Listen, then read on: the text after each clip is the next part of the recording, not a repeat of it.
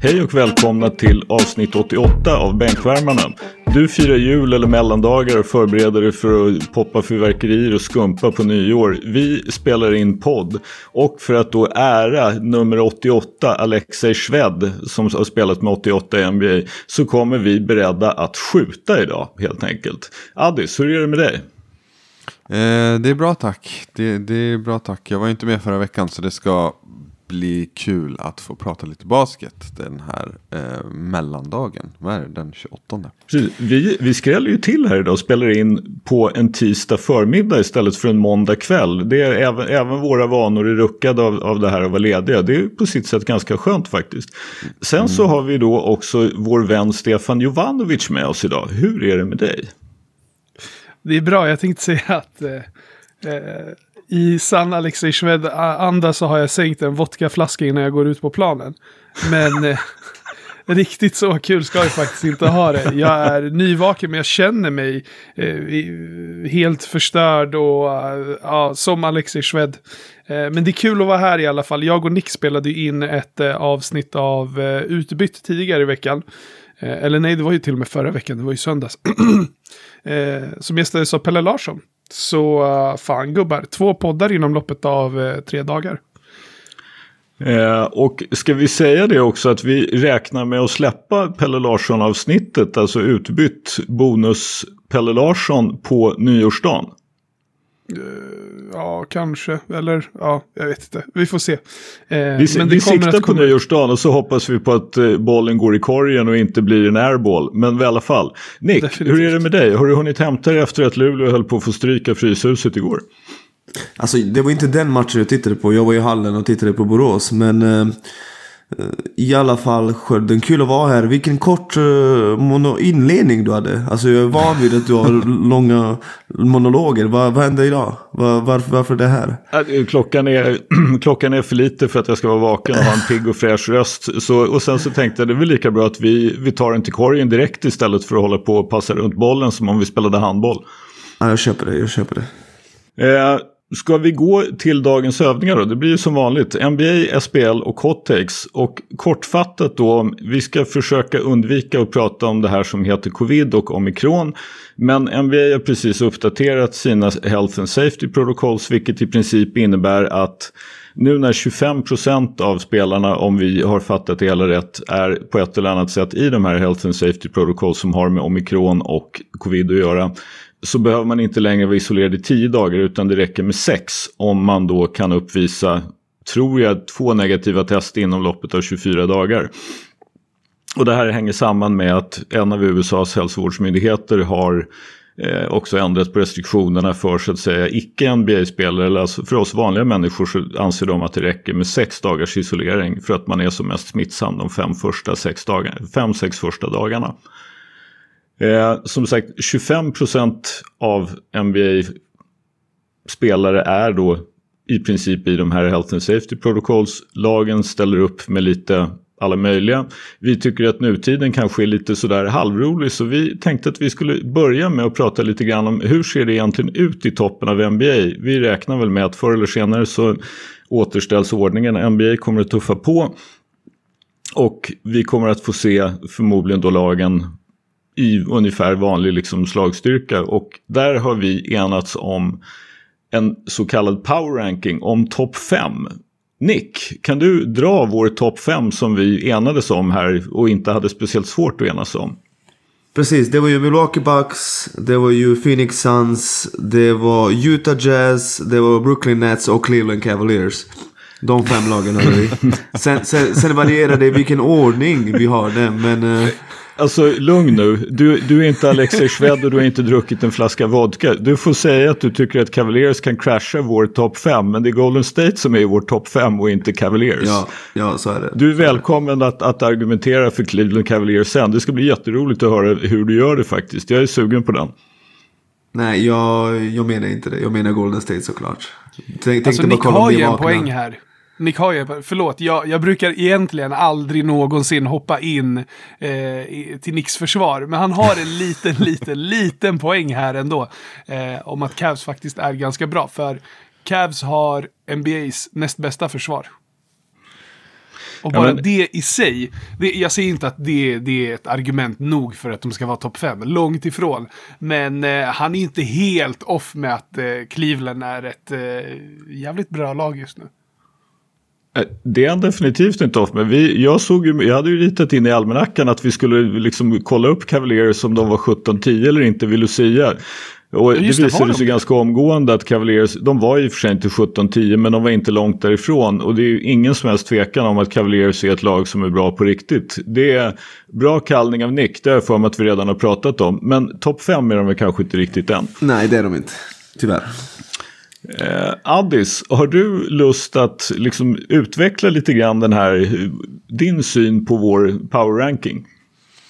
Ja, precis. Alltså, vi, vi kunde ju enas om de här fem lagen i alla fall. Att det, det är de fem som är i toppen. Då. Sen är vi kanske oeniga om eh, vart de står inbördes. Då. Men eh, ni, ni, ni har ju ganska bra koll på vart jag står i den här frågan. Och för mig är ju solklar etta, eller solklar ska jag inte säga, men etta är i alla fall Golden State. Jag tycker att de ser bättre ut än, eh, än tvåan helt enkelt. Phoenix, de har både mötts, de möttes ju eh, nyligen och, eh, och som ni vet så har ju eh, Golden State sparkapital i Clay som kommer tillbaka. Eh, någon, han borde ju komma tillbaka nu i dagarna faktiskt. Så? ja, Januari säger de nu, har jag Ja, hört. Lite, lite oklart liksom när i januari, men januari. Bra Ja, att ni ja. säger det, för nu kommer jag fan i mig plocka upp han i fantasyn. Ja, nu är det dags att göra det. Han kommer. Eh, så för mig är Golden State etta, Phoenix tvåa. Jag tycker att de har sett otroliga ut sen jag sa att i något avsnitt tidigt att ja, men, eh, jag tror inte på Phoenix i år. Sen dess har de ju bara flugit. Eh, Du vill ju mygga av Chris Paul, vi måste Ja. ju liksom erkänna att det här har hänt. Ja, den gick sådär. Den, den var helt snett på det.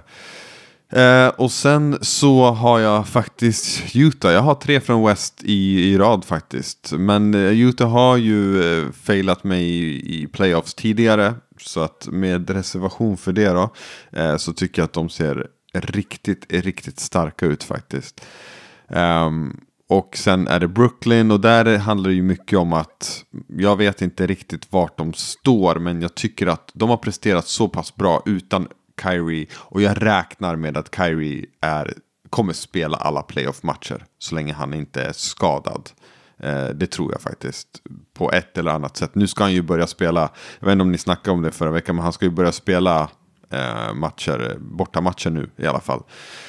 Ehm, så att vi snackade mest om det ironiska att han liksom, ja det blev klart att han skulle börja spela bortamatcher och så tog det 24 timmar så var den ovaccinerade Kyrie i Health and Safety Protocols. Ja, ja, det är faktiskt lite lustigt. Sen vet man ju jag vet inte, vi vet ju inte hur han mår heller. Han är ju ovaccinerad så att Mm. ingen aning. Men eh, ja, och sen femma har jag Bucks i alla fall. Jag, jag tror på Nets före Bucks med tanken att Kyrie kommer spela. Men är det så att han inte skulle spela eller bara spela bortamatcher hela året, även playoffs, då, då släder jag in eh, Bucks före dem. Stefan, har du, hur, ser du, hur ser du på det här? Och så ska vi ju som sagt få komma då och argumentera så småningom också lite grann för om vi har något lag som vi tror kan ta sig upp till contender-status. Nej, men det, det är väl ganska tydligt att det är just de här fem lagen. Ehm, och det, det är också rätt tydligt att, eh, för mig i alla fall, att det är Golden State som, som sticker ut ytterligare. För eh, om vi kollar, jag, jag trodde ändå att, det, att Addi skulle dra fram siffrorna här. För om vi kollar på siffrorna så är de liksom bäst, eh, de har bäst defensive rating, de har bäst offensive rating, de har högst net rating och uh, alltså det, det, vi, vi har underskattat Golden State. Vi har underskattat Golden State. Förra året då var det lite så här, mm, ja ah, okej, jag eh, fick käka bajs för att jag trodde att eh, Steph Curry var en eh, systemspelare. Vi alla liksom tvekade på ett eller annat sätt. Inte på honom som individ, men kanske på Golden State som kollektiv och uh, kanske till och med på Steve Kerr som tränare. Ursäkta, men eh, i det stora hela så tycker jag att de sticker ut bland de här fem. Sen så är det liksom ett mittensegment med Phoenix och Utah och sen, eh, eller ja, och Brooklyn och sen är, precis som Addi säger, eh, Milwaukee Bucks precis under. Men eh, jag tror ändå någonstans att det är närmare eh, för Bucks upp till eh, Brooklyn Nets och de lagen eh, än vad man tror. För jag vet inte hur ni tycker, men Janis, han, är ju aldrig, eller han är ju i princip inte med i någon form av eh, MVP-diskussion. Men han har fortfarande haft en MVP-värdig säsong. Mm. För vi, vi börjar ju och slutar ju liksom vid KD och, och eh, Steph Curry. Eh, och ibland så kanske Nikola Jokic nämns också, men det är ju egentligen ganska orim orimligt för, som du sa i gruppchatten, Skölden, eh, Nuggets record liksom fine, du, du snittar liksom sjuka siffror, men eh, ditt lag vinner inte. Så det är ju ganska naturligt att han, att han inte är en självklar del av den diskussionen, men lik förbannat så nämns han mellan varven. Och det känns, det kanske bara är mitt flöde eller liksom de eh, poddarna och programmen jag lyssnar på. Eh, men Jannis nämns inte lika ofta. Och ändå så ligger de liksom tvåa i East. Eh, och han gör väldigt bra ifrån sig. Mm. Det är ju så med Jannis, han snittar ju sina vanliga, liksom, han snittar ju vad det nu är, 27 eller 28, 12, 6 plus 2,7 stocks. Så det är ju inte så att det är... Och, och, efter en inledning på säsongen där de, där de ju faktiskt har saknat såväl Drew Holiday, Chris Middleton som Jannis så är de ändå 23-9. Mm. Just nu är de trea i East faktiskt. Jag tror att Bulls gick förbi i natt när de slog ja. Atlanta. Så Bulls är tvåa, men ja. Mm. Stocks. Stocks. Nick, hur ser du på topp 5? Jag ser um, på topp 5 som en grupp uh, väldigt bra lag. Jag tror att Utah, jag tror ändå att det är dags för dem att få sitt genombrott. Jag har sett några matcher de spelat nu på slutet. Jag tycker de är, de är jävligt bra alltså. Utah Jazz är riktigt bra. Jag, hade det inte varit för den här slutspelschoken förra året hade vi nog sett på dem som en riktig contender. Nu, just nu har vi dem i topp 5 men det är ingen som räknar med att de går och vinner allting. Och sen tycker jag också att Addis du underskattar Brooklyn Nets. För de har spelat utan Curry, nu har de spelat utan Kevin Durant, de fortsätter vinna matcher. Jag tycker att Perry Mills har en jättebra säsong. Jag tycker att Claxton har utvecklats. Cam Thomas, bra draftpick. LaMarcus Aldridge spelar förvånansvärt bra. Alltså de, har, de är nog bredare än vad folk eh, tror. Eh, så som sagt, jag tror att får de alla tillbaka så kommer de vinna titeln. Uh, och det hoppas jag de gör, för det är viktigt. Det är kritiskt läge nu, för Golden State ser för jävligt bra ut. ja, jag, vill bara, jag vill bara flika in med en grej. Det, det är intressant att du nämner uh, Cam Thomas, för uh, en av våra lyssnare, allas vår analytiker Mo där borta på Discovery, som faktiskt lyssnar på den här podden, han han, jag har en gruppchatt med honom och eh, med en kille som heter Nima.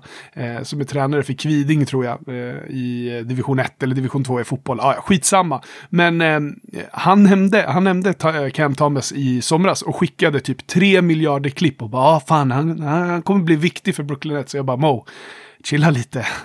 Han är rookie och han, han ska konkurrera med James Harden och, och uh, Kevin Durant. Chilla lite, du vet så här. Visst, det kanske ser bra ut i Summer League, men han kommer inte ha en suck under uh, regular season. Och tji fick jag. Uh, Cam Thomas, vilken spelare. Shoutout till analytikern Mo. Bra öga. Det, det, roliga med Cam Thomas är ju det här att han påstår att han har slagit Kevin Durant i en mot en på träningen och Kevin Durant förnekar det här med ganska starka ord. Ja, precis. Kategoriskt och säger dessutom då att han, han liksom under säsongen ska hålla sig uppdaterad i vad ställningen är i deras interna 1-1 match över hela säsongen. Och om man får tro på Kevin Durant så leder han stort. eh, jag tänkte bara säga att jag är, jag, är, alltså, jag är nog faktiskt sån att jag har Golden State etta just för att ett så ser de fruktansvärt bra ut. De har utvecklat ett antal spelare och tagit kliv. Eh, Steph Curry är lika bra som någonsin och hans samspel med Raymond Green är lika bra som någonsin. Clay är på väg tillbaka. James Wiseman kanske kan ge dem någonting. Och sen så tror jag faktiskt att Jonathan Kuminga är 19 bast. Han ser oerhört bra ut. Inte så att han kommer att liksom spela 35 minuter och ha 20 och 10 i ett slutspel. Men han, kommer att vara, han och Gary Payton 2 är ju sådana här vapen som man kan använda i specifika matchups i ett slutspel. På ett sätt som, alltså jag ser faktiskt ganska få lag som har den typen av djup, att man har så pass spelare med den typen av spets så pass långt ner på bänken som man, okej, okay, men nu behöver vi det här, ja vi skickar in GP2, vi skickar in Kuminga. Ja, men framförallt att det är två specialister, eller ja, kanske inte Kuminga direkt en specialist, men om vi kollar på GP2, eh, fan, ska, ska, ska han verkligen vara GP2? GP2, jag vet inte. Kan jag... Eh, ska vi säga the mitten? Nej men jag vet ja, inte. Gary Payton, jag vet inte varför man säger Gary Payton. Varför de säger, varför de säger Gary Payton 2 istället för Gary Payton Junior som man normalt brukar göra. Men gör man, säger man uh, Junior även fast det är liksom the second? Ja, men alltså det, det, det, är ju Gary Payton som ju var så att säga en, en superstjärna i NBA på 90-talet och spelade bland annat med Seattle Supersonics. En went Bra ring chasing Lakers så småningom. Men det är hans son och Gary Payton är ju Gary Payton. Så då är normalt är Gary Payton blir ju då Gary Payton Jr. Sen blir det då Gary Payton 3. Alltså som typ Marvin Bagley the third. Han är ju alltså Marvin Bagley the third och inte Marvin Bagley Jr. Fast typ LeBrons son, han heter ju LeBron James Jr. Mm. Han heter ju inte LeBron James the second, utan han heter ju ja, LeBron men precis, James det är ju Junior som blir så därför fattar jag inte det här med Gary Payton 2. Men han kanske heter Gary Payton, Gary Payton the second. Hur som Eller? helst, jag har, jag har i alla fall liksom... Kaninhål. Ja, kaninhål. Det här är hur som helst mitt, mitt argument för att ha Golden State som etta. Men alltså, Tvåan tycker jag är väsentligt knepigare för jag håller med dig, jag håller med dig Nick om Utah. De är alltså då etta i offensive rating och femma eller sexa i defensive rating just nu. Men jag har sett dem lite grann på sistone och tycker att de har haft lite svårt att vinna matcher. Alltså de har fått jobba för att vinna matcher man tycker att de borde ha vunnit rätt lätt. Men de har ju en fantastisk kapacitet. Men jag är faktiskt, alltså jag är lite tänd på Bucks. Jag tycker att Bucks ser bra ut och att de de har börjat få, alltså utöver då Jannis, Drew Holiday och eh, Chris Middleton så har de fått ett par spelare till som det liksom har hänt lite grejer med. Bobby Portis har varit superbra. Eh, Grayson Allen funkar alldeles utmärkt. Så trots att de då inte har haft varken Brook Lopez eller Dante DiVincenzo så har de lyckats överleva det och dessutom då med skad, med, där både med, där Middleton och Drew Holiday och Jannis har missat lite matcher så är de fortfarande 23-9. Jag är inte det minsta förvånad om Bucks, liksom när de alla är tillbaka, radar upp typ 13-1 eller något sånt där på 14 matcher och bara går upp i toppen på, eh, på East. Sen är ju då den stora chocken, för naturligtvis får Brooklyn tillbaka Kyrie Irving, då är de ju livsfarliga. Men den stora chocken är ju det att Brooklyn har alltså bättre defensiv rating än vad de har offensiv rating. Det är ju en jättechock faktiskt, mm. i alla fall för mig. De är alltså femma på defensive rating och bara elva på offensive rating. Och här har man ju liksom tänkt sig, jag har ju döpt dem till de tre matadorerna. Men eh, någonting gör de ju som, som, som fungerar. Det där, och det har ju egentligen varit en matador i år. Det har ju varit Kevin Durant. Liksom. Kyrie har mm. inte spelat och Harden har fram till i natt varit ganska tveksam. Men eh, det där tycker jag man kan se med fler lag. Alltså, det där är ju typiskt när Alltså att man har en kanske bild av spelare sedan tidigare och man tänker sig att det ska vara på ett visst sätt. Det, det, känns ju som att de ska vara jättebra i offense och ganska dåliga i defense på grund av spelarna som är där. Det är Aldridge, Griffin ja, och så vidare. Eh, men det är ju samma sak med Lakers. Lakers är ju, de är ju 11 i defense eh, och har varit topp 10 i princip hela året. Och men är ett av ligans sämsta offensiva lag. Så mm. man kan bli lite, så här, man kan ju tänka då, hur, hur fan är de 11 i defense med, med liksom Russ och gänget? Det är, det är en förklaring är ju att de har spelat typ lag. det lättaste schemat i NBA, men ja. Ja, fast vi får, vi får väl se om det där är hållbart för dem. Men de är ju bättre i försvar än vad de är i anfall. Och det är som sagt det är ganska intressant. Ja, det är jättekonstigt. Det är, det är som reverse. Um eller samma som Brooklyn, förlåt. Samma, samma grej. Men Stefan, vi vet ju att du brinner för att få diskutera varför du tror att Miami möjligen skulle kunna krascha det här topp 5-segmentet. Ja, såklart. alltså egentligen så finns det ju typ tre lag. Eh, för på samma sätt som som det, eller som det är liksom eh, topp 5 domineras av eh, West eh, så är det inte mer än rimligt att eh, de där tre, fyra lagen efter eh, det här första tieret av, eh, av titelutmanare domineras av East, liksom balans. Eh, Men ehm, eh, om vi pratar liksom specifikt Miami Heat så har något som jag alltid har gillat, alltid, men i typ två säsonger. Eh, jag har ju inte hållit på något lag i NBA innan dess, men de senaste typ två säsongerna eh, så är det djupet eh, man har i laget. För ehm, eh, ja, men Kyle Lowry har, har ju varit borta. Eh, Bam Adebayo har varit borta, Jimmy Butler har varit borta, Tyler Hero har varit borta. Och eh, då kommer liksom spelare som Max Strus, eh, Gabe Vincent och Omer eh, Yurtseven eh, fram och faktiskt presterar. För om de inte hade gjort det eh, så hade Miami Heat inte varit 21-13. Och eh, jag tror att de jag nämnde innan, alltså Lowry, Adebayo, Butler och ehm, eh, Hero. De, eh, de har bara spelat 12 matcher tillsammans och ändå så är Miami Heat 21-13. De är sexa eh, i defensive rating, de är åtta i offensive rating. De är femma i net rating. Alltså det, det säger ändå en hel del. Och visst, de kanske inte spelar liksom den eh, roligaste basketen att titta på eh, om, vi, om vi kollar på typ så här Golden State. För jag, det är väl det laget vi alla propagerar för. Eh, Utom men- Nick. Utom Nick då. Eh, men faktum kvarstår att eh, Miami Heat faktiskt, faktiskt ligger före dem när, när det kommer till pace. Miami Heat spelar alltså snabbare än vad Golden State gör. Otroligt. Med, Det- med det de trodde där ni inte. fossilerna. Det, det trodde ni inte. Men det är, ju, det, är ju lite, det är ju lite det som är grejen. Med Butler och Bam borta så har ju eh, som sagt då Gabe Vincent och Max Drews. Alltså de har ju fått grönt ljus. De, Ja. Miami skjuter ju mer treor än någonsin.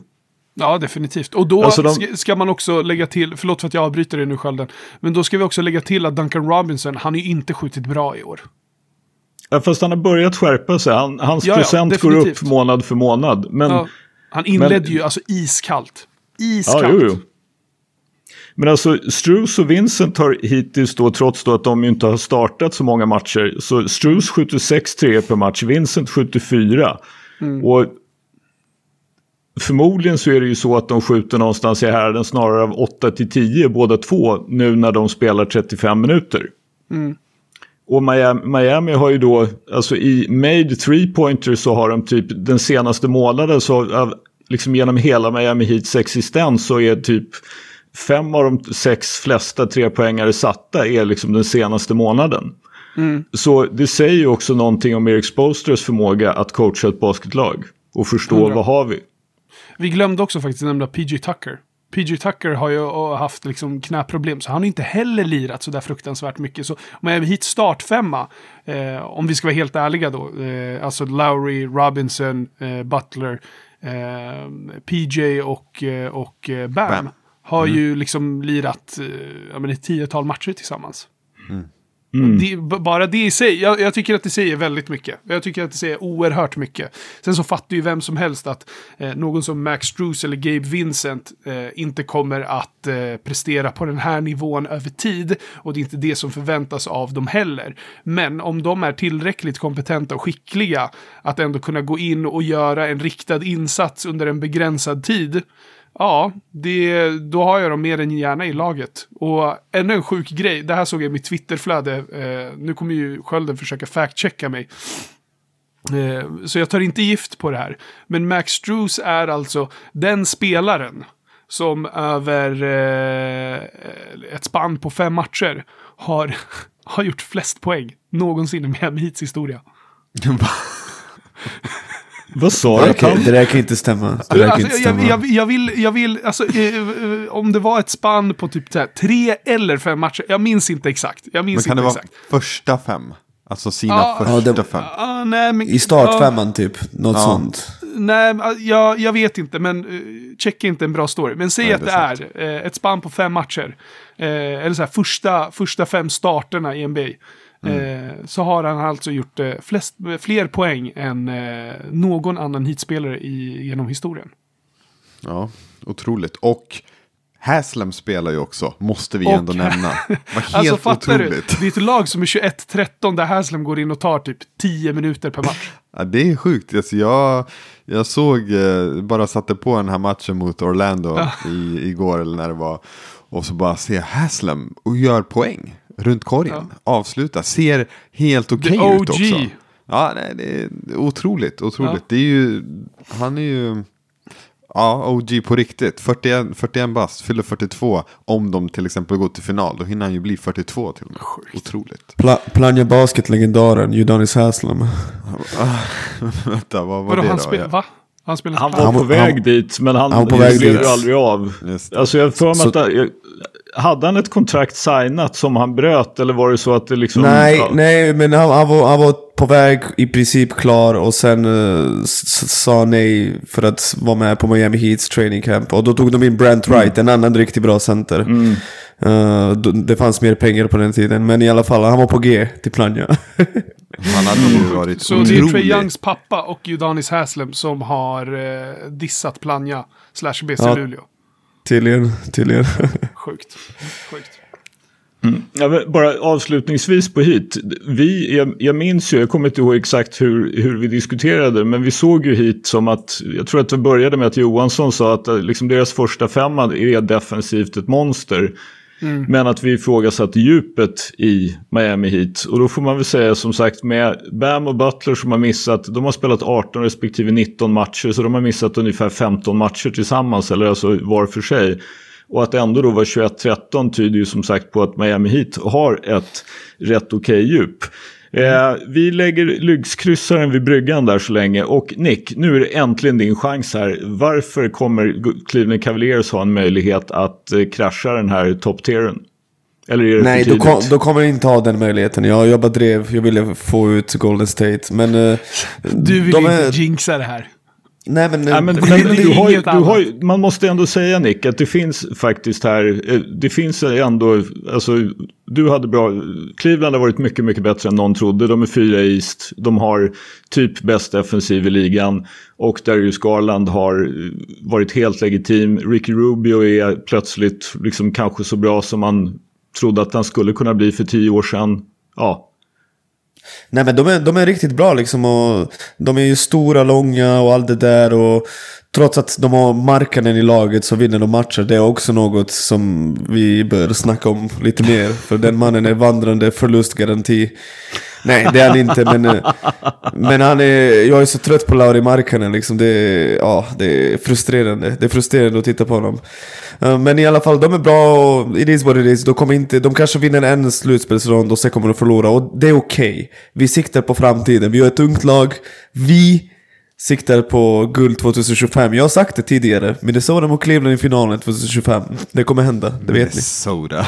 Minnesota, alltså nu, nu, nu börjar jag undra om du har druckit som Alexej Shved eller Stefan Jovanovic. Minnesota i final 2025. Addis, du får ta den. Det kommer aldrig hända. Omöjligt. Så. Alltså, det, Ja, vi får se. vet du, det är större se. chans att de inte har kvar sitt eh, franchise i Minnesota. Ja, det fan, det är faktiskt sant. Det är sant. Det är fan Det är sant.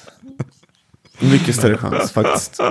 Eh, ja, nej, faktiskt. Apropå, vänta, vi snackar ju om Shved. Jag, har ju glömt att berätta. Jag kollade ju en match med Shved häromdagen. Jag kollade Vad på bra. CSKA Moskva. Mot, eh, vad fan var det de mötte? Real Madrid va?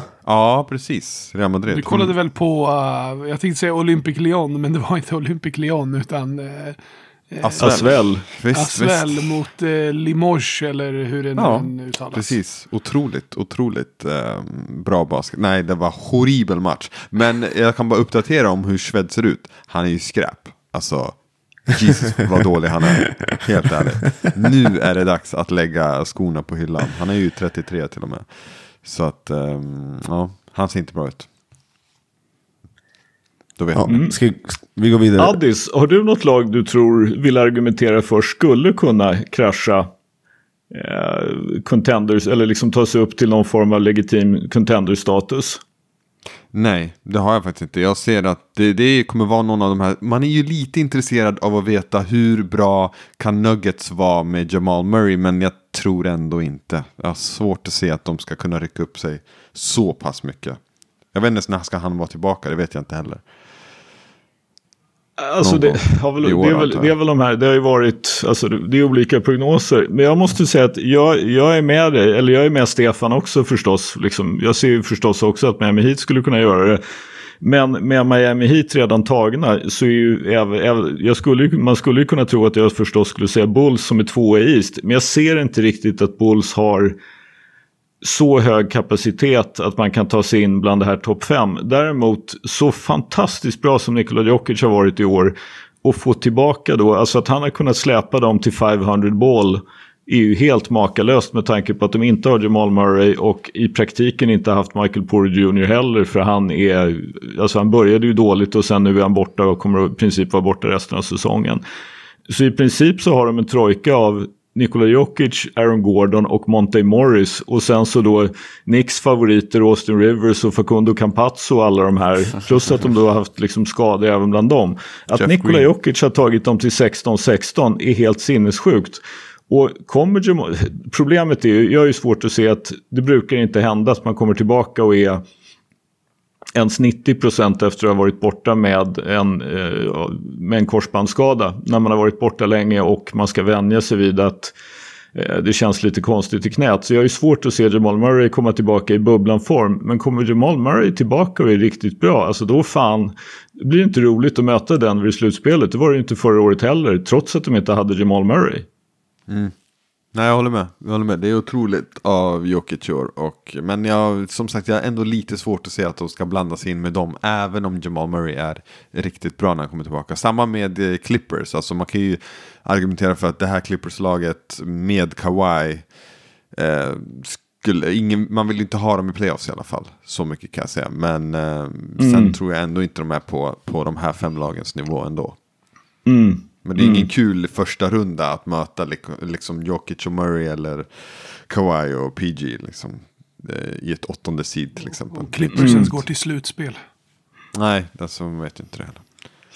Eh, Och jag tror Memphis är inte riktigt redo för en, en djup slutspelsrun. De har ju också varit fantastiskt bra. De vann, vad var det, typ 10 av 12 utan Ja Morant. Nu är Morant tillbaka och det, det är liksom de... Ja verkar ju vara bättre än någonsin i princip. Så det, de- de är ju också ett seriöst lag. Men jag ser inte att de är ett av de fem, sex bästa lagen i NBA. Men däremot kan de vara topp fyra i West och vinna en slutspelserie och bli väldigt tråkiga att möta i andra rundan. Men jag ser inte att de ska slå Golden State, Phoenix eller Utah i, i, eh, i en andra runda. Det gör jag faktiskt inte. Det är väl ändå rimligt att de eh, tar det steget och åtminstone inte behöver köra play-in. Mm. För Precis. då har John Morant tagit eh, Grizzlies eh, ett steg längre för varje säsong som har varit. Och eh, förhoppningsvis då så är han en legitim MVP-kandidat till 2025. Ni kommer ihåg vart ni hörde det förut va? Ja, visst. Du har, Fan det är mycket som händer 2025 Stefan. Nej, det Och ja, Nick. ja just det. året som Minnesota eller Cavs vinner NBA så blir John Morant utsedd till MVP. Alltså vilken, eh, vilken värld. Eh, Minnesota Cavs i final. Um, John Morant är MVP. Det betyder att Memphis... sa, sa jag tre eller fem år? Det minns inte jag. Det här, det här var ju så jävla länge sedan. Jag, jag har något vagt minne av att du, jag har faktiskt något vagt minne av att du sa fem trots allt. För tre lät Ja. lite outlandish, men ja. Ja. Ja, ja, Sverige ja. vinner EM i basket. Det kommer Ja, vara ett speciellt år. Ett speciellt år. Nej, Sverige slår Slo- Slovenien med Don- Donkic. Den är ju klar. Den är klar. Jonas Jerebko gör comeback för eh, tredje eller fjärde gången i landslaget. Apropå eh, Jerebko, vi måste ju säga att hans chanser att faktiskt landa ett NBA-kontrakt måste ju ses som ganska goda ändå med tanke på vilka personer som är inne och snurrar nu. Alltså, Anthony Tolliver. ja, alltså jag, när jag såg Tolliver, jag bara oh my god, alltså nu, nu hämtar helt de vem ärligt, som helst. det hade, det hade inte förvånat mig om han har fått frågan och att han sagt nej. Ja, exakt. För Mm. att han vill till en contender liksom. Inte, inte bara det, utan han har ju sagt själv, han har ju inte rört en boll på flera månader liksom. Han vill inte dit och skämma ut sig heller, tror jag inte. Men vad fan, om Greg Monroe kan kliva in och göra minuter i... Eh, vilket lag var det? Är det Minnesota Timberwolves han spelar i nu? Fan minns inte. Ja, det var Minnesota ja. Ja, han tar ju inte, alltså han är ju inte i närheten av att ta hand om sin kropp som Jonas. Precis. Nej, jag håller Svårt. Om han kan kliva in där med eh, tre och en halv cheeseburgare innanför västen. Då, eh, då, då kan nog Jonas komma in och, och göra en, en insats. Ja. Mm. Alltså man Fan, måste man ändå ge det? Monroe att han faktiskt i den match han spelade för Minnesota så hade han 11 poäng, 9 returer och 6 assist. Två steals och en block. Är det The bästa matchen of Greg någonsin? Monroe. Det, det är ju alltså, vi, Missförstått. vi, vi måste igenom geni. det. det Han är bra. och, de, och de slog Boston. Se på Ja. De fan. slog Boston. Monroe eh, snittar 11-9 år alltså. Otroligt. 11-9-6 Det var 9-6. och tre Ja, stocks. Man kan ju inte Bättre beskylla... Green. Man kan ju inte, be, man kan inte beskylla Carl Anthony Towns för att vara en statpadder om Greg Monroe kan kliva in och nästan snitta en triple-double. Ja. Det kan man visst. Men fan, Ja. nu när du nämner Boston Celtics, det här är, eh, det blir ett litet instick här, vi har ju inte planerat det här. Men vem blir tränare att få sparken först? Du, du tänker alltså Udoka eller var det det du Alltså det fick mig att tänka på det, definitivt. Ja. Sen så tror jag inte att han blir först. Mm. Men det får mig definitivt att tänka på det. Har ni någon eh, tränare som ni spontant känner att, ah, okej, eh, det, är dags att, det är dags att säga till Jason Kidd att eh, dra från Dallas. Alltså jag, Vogel, kanske?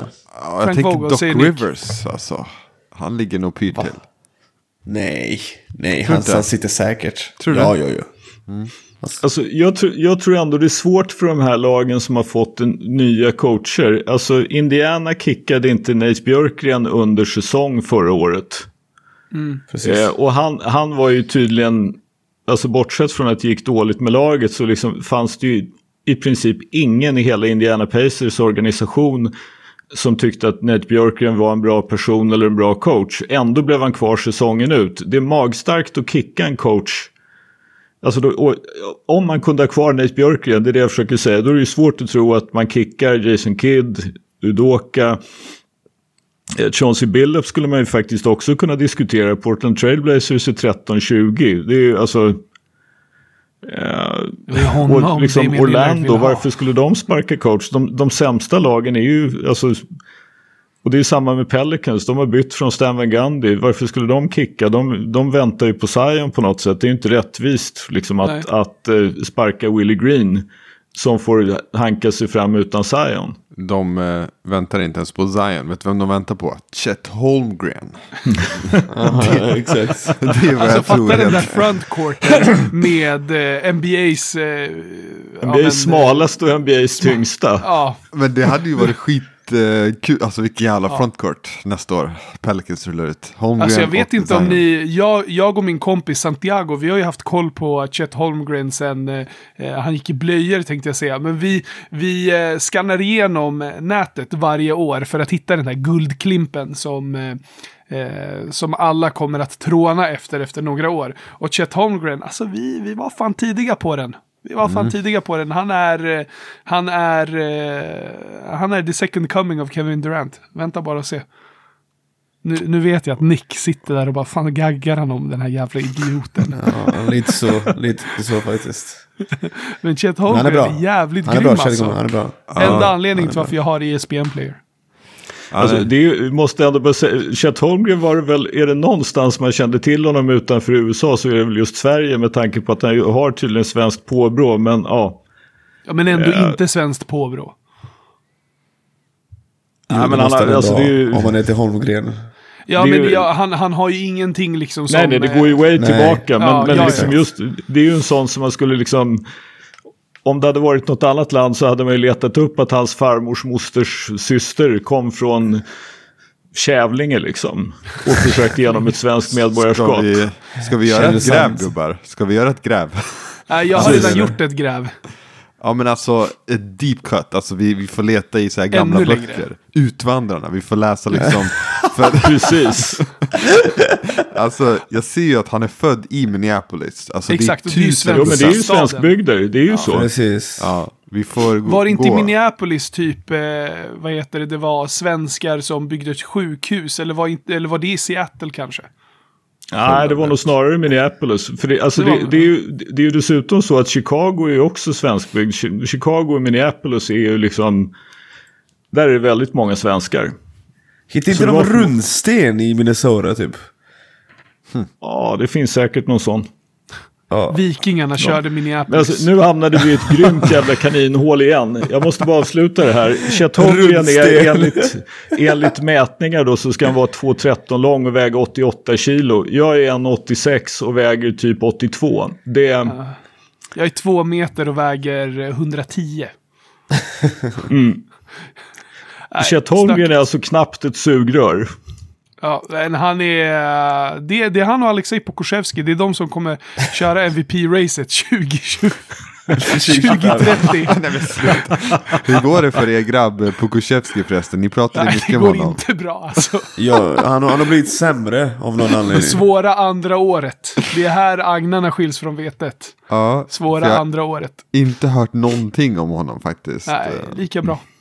Det Han finns en bara- anledning till det. Han snittar 4-4-1 och skjuter 34% från golvet. Så ja. Men han fortsätter mata på. Skam den som ger sig. Ja, Men i fjol startade han 28 matcher på 45. I år har han startat 0. Han spelar 10 minuter färre. Han spelar 14 minuter i år och 24 i fjol. Så ja. Det går ju inte åt rätt håll för Pokusevski i alla fall. Det kan vi väl konstatera. Är det någon som har kollat på Oklahoma? Nej. Nej. Jag har sett lite highlights från Oklahoma för jag ville se Josh Giddy. Men ja, i övrigt nej. Men Nej. de är, ju, alltså, de är ju chockerande bra. Alltså Sam Presti måste ju vara helt galen. Ja, han ställer eh, SJ snart. det måste ju bara vara en tidsfråga innan en tjej inte får spela något mer. Och, ja. Oh ja. Alltså Alltså, Oklahoma har ju faktiskt vunnit 12 matcher. Det är två mer än Rockets och lika många som Pelicans. Jag menar han behöver ju bara sitta tjej i 10 matcher så kommer de sist i West. Han Det får helt enkelt spela Ja, Pokusevski mindre. kaninhål. Vi går vidare. Kaninhål. Vi går Ja. vidare. Men fan, det Eh. var något, eh, vi, vi, vi sa ju aldrig vem som får sparken om vi inte liksom låtsas, eller ja, om vi skiter i att vara den rationella skölden. Har ni, har ni en kandidat i alla fall som ni tror kommer att få sparken? Kan ni bara säga det utan någon motivering, bara namnet? Kid. Jaha, Ja, jag säger Vogel. Vogel. Vogel, ja. Vogel, Kid, skölden. Eh, eftersom Pelicans är så jävla dumma i huvudet så säger jag Willie Green. Ja, jag är nog på Kid-tåget i alla fall. Ja, bra. Går vi vidare. Ja. Just det, vi sa ju att vi skulle ta ut varsin spelare som vi tycker har ett case för att vara en All-Star men som inte är Kevin Durant eller Giannis eller Steph. Nick, börjar du. Ja, Darius Garland, alltså jag... Jag tycker att han bör vara självklar som All-Star. Ska jag vara ärlig. Jag vet att det finns många bra guards i... I East. Det är jag fullt medveten om. Men ändå tycker jag att han har förtjänat en plats. Han snittar 19 poäng, 7 assist per match. 47% för golvet trots att han är lika lång som jag typ. 38 från trepoängare, 90 från straffkast och alla ni som har sett honom spela i år vet att han är för jävla bra. Och sen vill jag också klappa mig själv på axeln och, och, och säga som det är. Jag var den första personen i världen, lyssna, i världen, som inte befinner sig i Cleveland, som sa att den här killen kommer bli en All-Star. Jag sa det för länge sedan, ni som har lyssnat på podden vet att jag ridit Gar Garland-tåget när alla skrattade åt mig. Men jag visste vad jag såg. Jag visste att han var skadad på Vanderbilt, skadad sin första säsong i NBA. Han fick inte riktigt tid att visa hur bra han är, men den här killen är så jävla bra. Han är... Alltså han kommer ju... Han kommer ju bli... Ja, jag kommer inte se MVP-kandidat, det är för tidigt. Men med tanke på hur han har utvecklats, han är 20 år gammal fortfarande. Uh, Va? nej, 21 är han. Han är 21. 20 år Men- gammal 20 fortfarande. Han fyller faktiskt 22 om en månad. ja, så alltså är han 21. Ja. Eh, så han har utvecklats väldigt eh, snabbt och eh, Ja, jag var ju först i hela världen. Alltså på riktigt utanför Cleveland. Precis, och det var Som- därför han, han valdes som nummer fem i, i, i draften 2000, vad var det, 19 va? Det var, det var ingen som eh, misstänkte att han skulle bli så här bra ändå, tror jag inte. Eller? Ja, jag, Vad är så här bra? Han har ju knappast uppnått något. Han är ju, han är ju ruskigt bra. Han är ju motorn i ett lag som överpresterar. En motor eh, i Steph ett lag Curry- som till och saknar med, Till och med konkurrens. självaste Steph Curry har sagt Ja, motorer. att Darius Garland är något speciellt. Jag visste, när Steph sa det i somras, då Du kan visste inte jag. checka Instagram-posts med typ så här quotes från något Steph Curry har sagt i gången i halvtid i... Det är inte eh, Instagram-post, oh, det, det är ju säkra källor. Säkra källor kompis. Men i alla fall, han bör vara All-Star. Levine, DeMar DeRozan kommer vara med, Trae Young kommer vara med, LaMelo Ball kommer vara med. Men sen tycker jag Darius Garland bör gå typ för Drew Holiday typ. Exempelvis. Jag tycker att han har varit bättre. Men vad vet jag? det, är väl, det är väl där det blir problem eh, faktiskt, skulle jag säga, just med, med, med Drew Holiday. Det är väl han som är den som... Eh, Harden kommer också få plats. Fuck, det är tufft alltså. Woo. ja, det är tufft. Det är tufft att vara guard. Det är tufft att vara forward också och komma med i All-Star. Ja, men jag tycker det är ändå... Jag skulle säga så här. Jag ser att det finns en möjlighet att han blir All-Star, men det är långt ifrån självklart. Så jag tycker det är en bra kallning. Eh, Stefan, vad har du för någon? Ehm, jag eh, väljer att eh, ge lite kärlek till, eh, jag höll på att säga vår bortgångne medlem, herregud. till, till vårt, eh, vårt femte jul. Eh, ja, det är han inte heller i och för sig. Men eh, till, till, allas vår, till allas vår Henrik Johansson och säga DeJounte Murray för eh, fan ändå 18, 8 och nästan 9. Den är, den är riktigt, riktigt bra.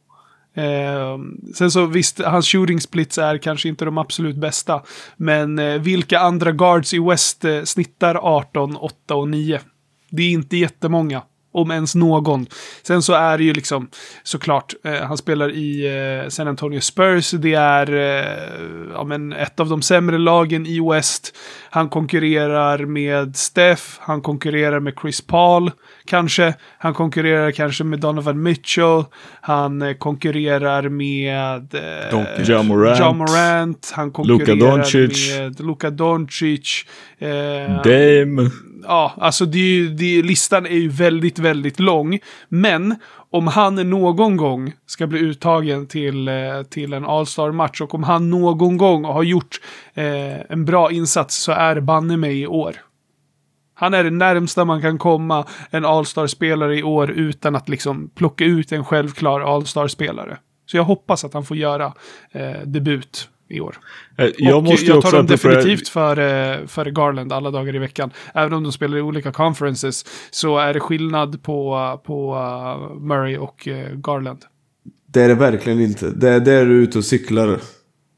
Jag måste, jag måste bara säga det, vi glömde ju nämna att vi saknade Johansson tidigt i avsnittet. Det trodde ju vara uppenbart att vi gör det vid det här laget, men ändå. Men Johansson var ju så underbart bitter häromdagen om just Spurs, det här när han sa att ja, så är det som vanligt, vi har ett skitlag, men Popovic släpar dem till en play-in så vi inte får någon vettig pick ändå. Det är eh, klassisk Johansson att vara bitter för att hans lag är bättre än väntat. Det är, I love it. Men DeJounte Murray har ju faktiskt varit jävligt bra. Det är otvetydigt så. De är ju före till exempel Portland och bara ett par matcher bakom Lakers. Och har ju ett lag utan egentligen någon stjärna överhuvudtaget utom möjligen då just Deontay Murray. Eller Murray. Ja, Addis, vem, vem kommer du med i det här fallet? Mm, jag väljer att inte gå på guard-spåret. Sp- spåret? Spåret! Guard-spåret! spåret. Ja, Eh, det är Murray och spåret. Ja, det är spåret. Nej, jag väljer att inte gå på guardspåret eftersom att det känns som att det är så jävla tuff konkurrens där. Eh, så jag kommer plocka ut en vinge. Där är det ju lite Spännande. färre eh, bra spelare kan jag Är det tycka. nu Max Struess kommer? Ja, det är nu Max Struz. Nej, eh, jag väljer Andrew Wiggins fuckis. Fa oh, fuckis, vad fan är med mig? uh, Andrew Wiggins, fuck it. Ja, exakt. Nej, men inte jag sovit särskilt mycket i natt va? Nej, jag har inte så bra. Men uh, Wiggins uh, väljer jag och jag tänker lite så här då. Dels att att komma med i ett avstånd mycket beror såklart på både din prestation och i kombination med hur laget. Och laget går som tåget och Wiggins har nog sin bästa säsong någonsin. Eh, skulle jag säga. Han, är, eh, han har varit viktig för deras eh, framgång i år helt enkelt. Det är Steph och Dre som är de lysande stjärnorna såklart. Men eh, Wiggins är ju den därefter, den tredje bästa spelaren. Och det är, det är inte helt ovanligt att eh, det bästa laget i NBA får med tre stycken. Eh, det är inte varje år men det kan hända liksom. Så jag tänker Wiggins faktiskt. Det är min pick. Den är, den är ju inte orimlig tycker jag. Han snittar mm. 19 poäng, bra shooting splits och har ju utvecklats till en väldigt, väldigt duglig försvarare. Mm. Så han, han, är, han är väl som sagt som det ser ut idag. Så om du ska ta ut en topp tre i Golden State så är det ju han som är nummer tre före Jordan Poole och ja, vad du numera har som skulle kunna tänkas nämnas där. Mm. Mm, det ska bli intressant. Ingen, ingen dålig kallning. Jag blev, ni tog ju alla bra så jag blev ju tvungen att ta en helt outlandish. Men jag är ju lite grann som du då. då eh, Adi, så att jag tar någon som skulle kunna betraktas som ving i alla fall. Även om man oftast spelar Eh, han får ofta spela tvåa, men Dylan Brooks. Jag tror inte att han kommer att bli All-star, men fan i mig vad han har varit bra i år. Han var ju en av liksom den lagets hjärta när Ja Morant var borta och Memphis ligger fyra i West med ett lag som ju framförallt med 10-12 matcher där Ja Morant saknas. Om du skulle säga att de låg fyra i West och bara fått två tredjedelar av säsongen med Morant så det skulle du fått bra odds på. Och Dylan Brooks är ju motorn som driver det här. Ja, han har Sonja-skalle, han tar en massa skott han borde ge fan i. Men han är ju en av få som klarar av att göra det lite jobbigt för Steff över en hel match. Grym spelare. Alltså jag, jag är inte förvånad att, äh, att du väljer Dylan Brooks. Va? Du, äh, du har en fäbless för för eh, spelare och människor som låser sig. det... Du menar spelare som inte ger sig? Nej, det, det, det är låsningen. Du ser dig själv i Dylan Brooks. Det är därför du väljer honom. Ja, det, kan, det kanske är så. Det kanske är så. Enda spelaren i NBA som spelar i ett lag där han inte är första alternativet. Nej, vet du vad? Han är den andra spelaren som spelar i ett NBA-lag som inte är första alternativet. Men om du frågar honom i hans djupaste sömn så kommer han fortfarande tro att han är bäst i laget. Det är han och Russell Westbrook. Dylan Brooks, han är the second coming of Russell Westbrook. Det är därför du gillar. Du, du älskade Russell Westbrook också när det begav sig. Ja, för fan. Ja, det, det är låsningen. Det är det jag säger, gubbar. Har vi en spelare som låser sig, då vet vi att det är, det är sköldens lilla, lilla, eh, ja jag vet inte, hjärtis stjärtis, jag vet inte någonting, men det här blir fruktansvärt djupt. Jag vet inte om jag är redo att titta så djupt in i min själ en mellandag redan på för... Ja, det är inte förmiddag längre, det är lunch, men ja. Risken finns ju att det ligger någonting i det, så jag föreslår, jag föreslår att vi raskt går vidare till eh, någon som har ännu värre låsningar än jag. Nick, take it away på SBL. Det, det var faktiskt en väldigt händelserik i, i dag i SBL igår. Vi hade två matcher som avgjordes i sista sekunden. Uh, Helsingborg mot, Vätterbygden mot Helsingborg i SBL dam och uh, Umeå mot Köping i SBL här. Vi måste ändå prata om Köping, för Köping har nu förlorat nio raka matcher. Och det är riktigt, ja det, jag vet inte vad jag ska säga längre. För att vi vet ju att i den här ligan så finns det ju lag som Fryshuset och Umeå som kanske inte håller jättehög nivå. Jag tycker inte att ett lag som Köping ska gå 0-9 under en sån här period och ja, det är tufft. Det är tufft. De... Eh, ja, jag vet inte, det måste vara fruktansvärt. Jag kommer ihåg när jag spelade så förlorade vi fem raka vid det tillfället och det, var ju, det är ju hemskt. Alltså du vet. Eh, kanske till och med sex raka. Det var. Men skitsamma, det är en hemsk känsla och jag kan bara tänka mig att eh, det, stämningen inte kan vara på topp i Köping just nu.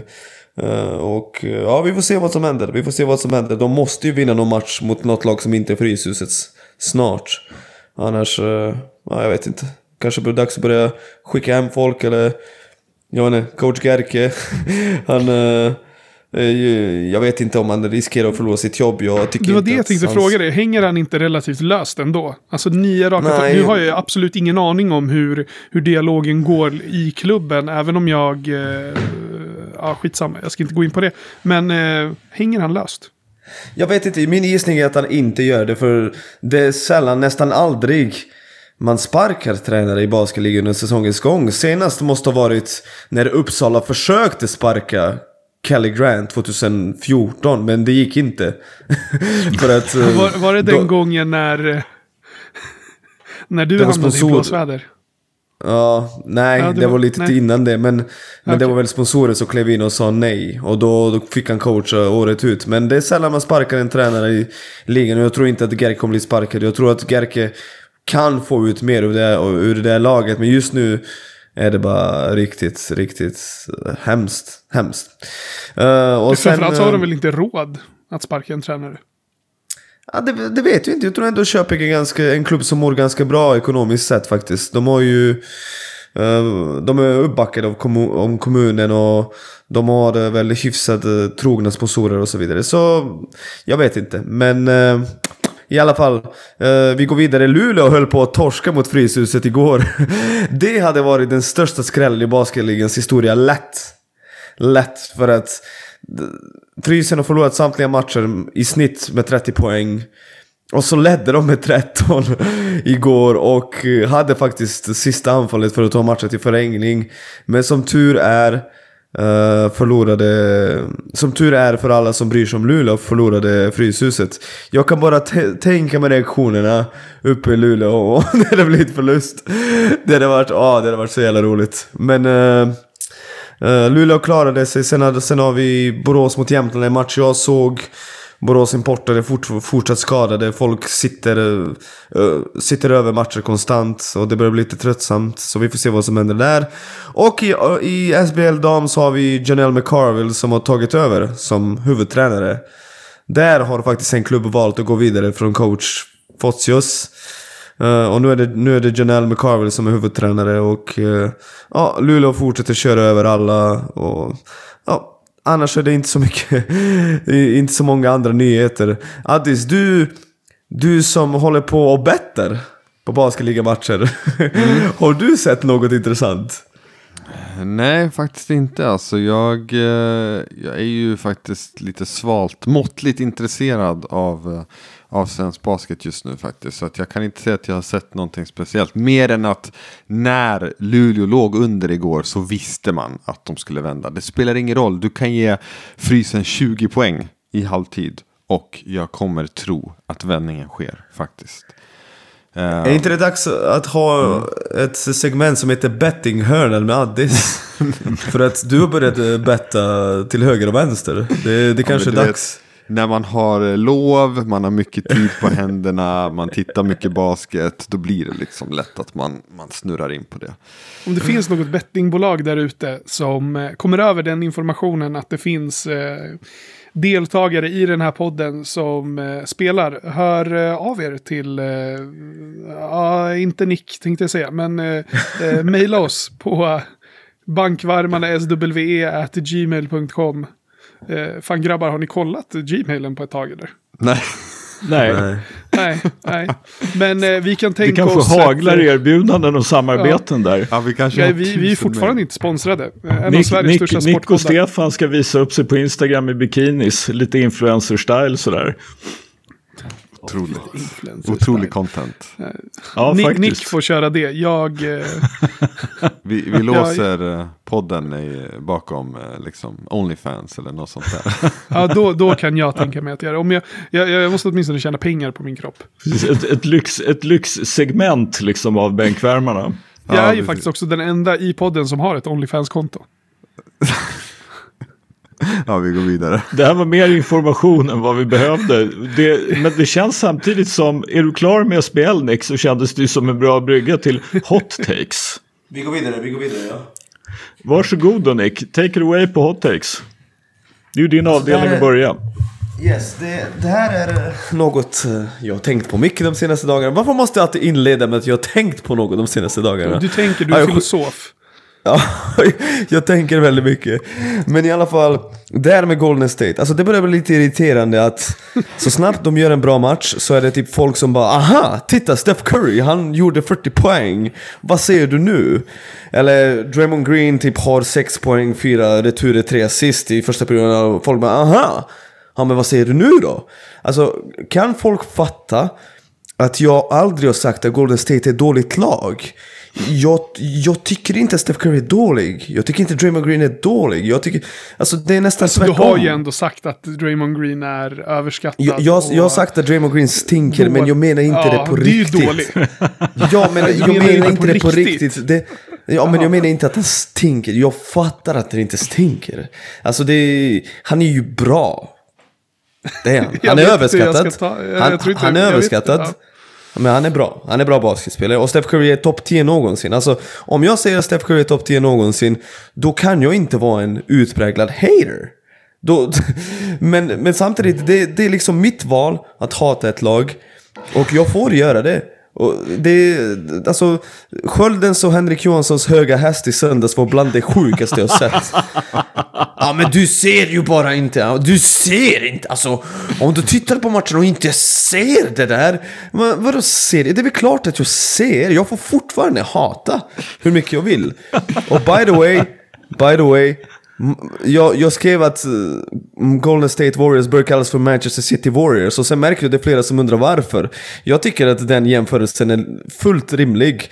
Båda två lagen har funnits där i all evighet. Ingen heder, ingen heder på dem, ingen brydde sig. Båda vann titeln senast på typ 60-70-talet. Och sen helt plötsligt, när de bytt ägare och börjat vinna matcher, då har de fans. Men inte riktigt! För varken Golden State eller Manchester City har fans som kommer hålla sig kvar vid laget även när, förstår ni, även när de inte är bra. Det är det jag menar, alltså både Golden State Warriors och City, det är plast liksom. Jag ser bara plast framför mig. Och Oakland hade bästa fans i hela NBA. Och sen sålde de sin själ och flyttade till San Fran och höjde biljettpriset med 2 miljoner procent. Och nu är det bara eliten som får titta på matcherna. Det är bara vidrigt. Alltså det är Manchester City Warriors. De är på riktigt USAs version av Manchester City. Och det finns många paralleller att dra där. Okej? Fast det, det, det är ju majoriteten av lagen i NBA så, så har man alltså, du kan inte påstå att man har brytt sig om jättemånga lag i NBA eh, genom historiens gång. Nej, det har man inte. Och Golden State är absolut Nej. inte ett av de lagen. De har funnits där skulle- hur länge som helst. Ja, men det är många lag som har funnits där hur länge som helst. Ja men, inte låt oss säga att New York om dem. Men New York Knicks, Boston Celtics, Los Angeles Lakers. Det är lag som har ju, för som har ju alltid haft fans och kommer alltid ha fans. Golden State, det är bara Varför plast. har de fans då? För att de har vunnit mycket. Exakt. Så då Men är det inte så Heat- konstigt att, att Golden State Warriors har fått många fans på sistone eftersom de har vunnit mycket. Men tänk på Miami Heat. Alltså Miami Heat, när LeBron kom dit så, alltså det var ju galet hur många bandwagon-fans de hade. Ja, men och jag de tycker, vann ju. jag tycker, Ja, men sen när han drog så tycker jag ändå att det var många som fortsatte heja på dem. Alltså förstår du? Det blev ju liksom långvarig effekt.